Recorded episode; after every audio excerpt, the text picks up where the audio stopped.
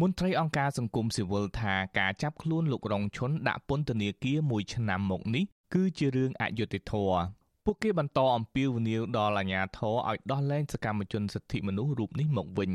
អគ្គលេខាធិការសហព័ន្ធនិស្សិតបញ្ញវន្តកម្ពុជាលោកគៀនពុនលោកសង្កេតឃើញថា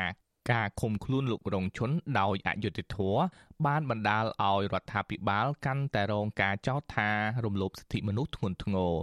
ជាមួយគ្នានេះលោកថាការចាប់ខ្លួនលោករងឈុនក៏ជះផលអវិជ្ជមានដល់ស្ថានភាពសិទ្ធិសេរីភាពសិទ្ធិការងារការឃ្លាំមើលព្រំដែននិងសេដ្ឋកិច្ចកម្ពុជាផងដែរលោកជឿថាការបន្តឃុំខ្លួនលោករងឈុនទៀតនឹងធ្វើឲ្យអង្គការជាតិនិងអន្តរជាតិព្រមទាំងរដ្ឋាភិបាលប្រទេសលោកសេរីកាន់តែថ្កោលទោសនិងបន្ថែមសម្ពាធលើរដ្ឋាភិបាលកម្ពុជាបន្តទៀត មានរឿងរ៉ាវជាច្រើនទៀតដែលកាន់តែជួបទុក្ខលំបាកយ៉ាងធ្ងន់នៅក្នុងប្រទេសកម្ពុជាមានវិបត្តិសេដ្ឋកិច្ចវិបត្តិសង្គមកាន់តែកោតច្រើនទៅច្រើនទៅអញ្ចឹងការចាប់លោកគ្រូរងឈុនហើយនិងសកម្មជននយោបាយសកម្មជនបរិស្ថានសកម្មជនដីធ្លីនេះមិនមានផលចំណេញឲ្យរដ្ឋាភិបាលទេ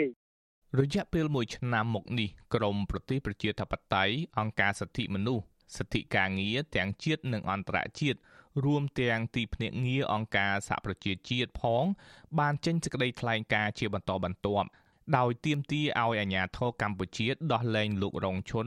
ព្រោះលោកមិនបានប្រព្រឹត្តបទល្មើសអ្វីឡើយការទាមទារចុងក្រោយគឺកាលពីថ្ងៃទី29កក្កដា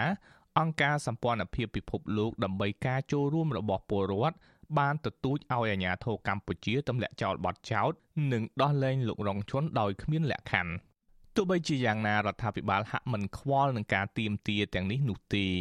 អ្នកនាំពាក្យរដ្ឋាភិបាលលោកផៃស៊ីផានអះអាងដដែលដដែលថាការសម្រេចយ៉ាងណាក្នុងសំណុំរឿងនេះគឺជាឆន្ទានុសិទ្ធិរបស់តុលាការ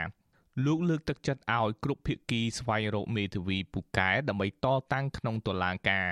ព្រោះច្បាប់មិនអនុញ្ញាតឲ្យរដ្ឋាភិបាលអន្តរាគមន៍ឡើយ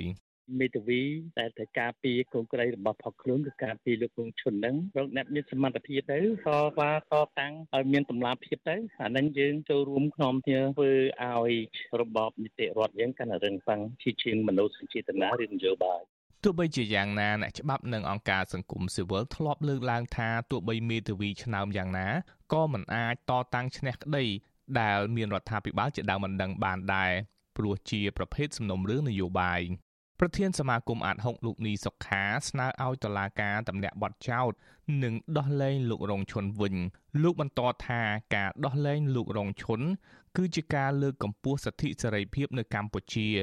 និងជួយលើកស្ទួយកិត្តិយសរបស់រដ្ឋាភិបាលនៅលើឆាកអន្តរជាតិ ដើម្បីជាប្រយោជន៍ទៅដល់មុខមាត់រដ្ឋាភិបាលកម្ពុជាខ្ញុំគិតថារដ្ឋាភិបាលគួរតែរូតរះក្នុងការទម្លាក់ចោលការចោទប្រកាន់ហើយដោះលែងរងឈុននឹងឲ្យគាត់មានសេរីភាពមកវិញហើយរៀបចំស្ដារឡើងវិញនៅលទ្ធិប្រជាធិបតេយ្យនិងសិទ្ធិមនុស្សដើម្បីឈានទៅរៀបចំការបោះឆ្នោតមួយនៅពេលខាងមុខឲ្យមានសេរីត្រឹមត្រូវរដ្ឋាភិបាលបានចាប់លោករងឈុនកាលពីយប់ថ្ងៃទី31ខែកក្កដាឆ្នាំ2020 ដោយចោទពីបទញុះញង់ឲ្យមានភាពវឹកវរធ្ងន់ធ្ងរដល់សន្តិសុខសង្គមបន្ទាប់ពីលោករិះគន់បញ្ហាព្រំដែនកម្ពុជានិងវៀតណាមក្រោយមកសមត្ថកិច្ចបន្តចាប់ខ្លួនសកម្មជនសង្គមនយោបាយព្រះសង្ឃសរុបជាង10នាក់ទៀតដោយចោទថាពួកគេញុះញង់តាមរយៈការទាមទារដោះលែងលោករងឈុនក្រោយសវនាការ4លើកមកតុលាការក្រុងភ្នំពេញគ្រងប្រកាសសាលក្រមករណីលោករងឈុននៅថ្ងៃទី18ខែសីហាខាងមុខនេះ ខ្ញុំយុនសាមៀនអាស៊ីសេរីប្រធានាធិបតី Washington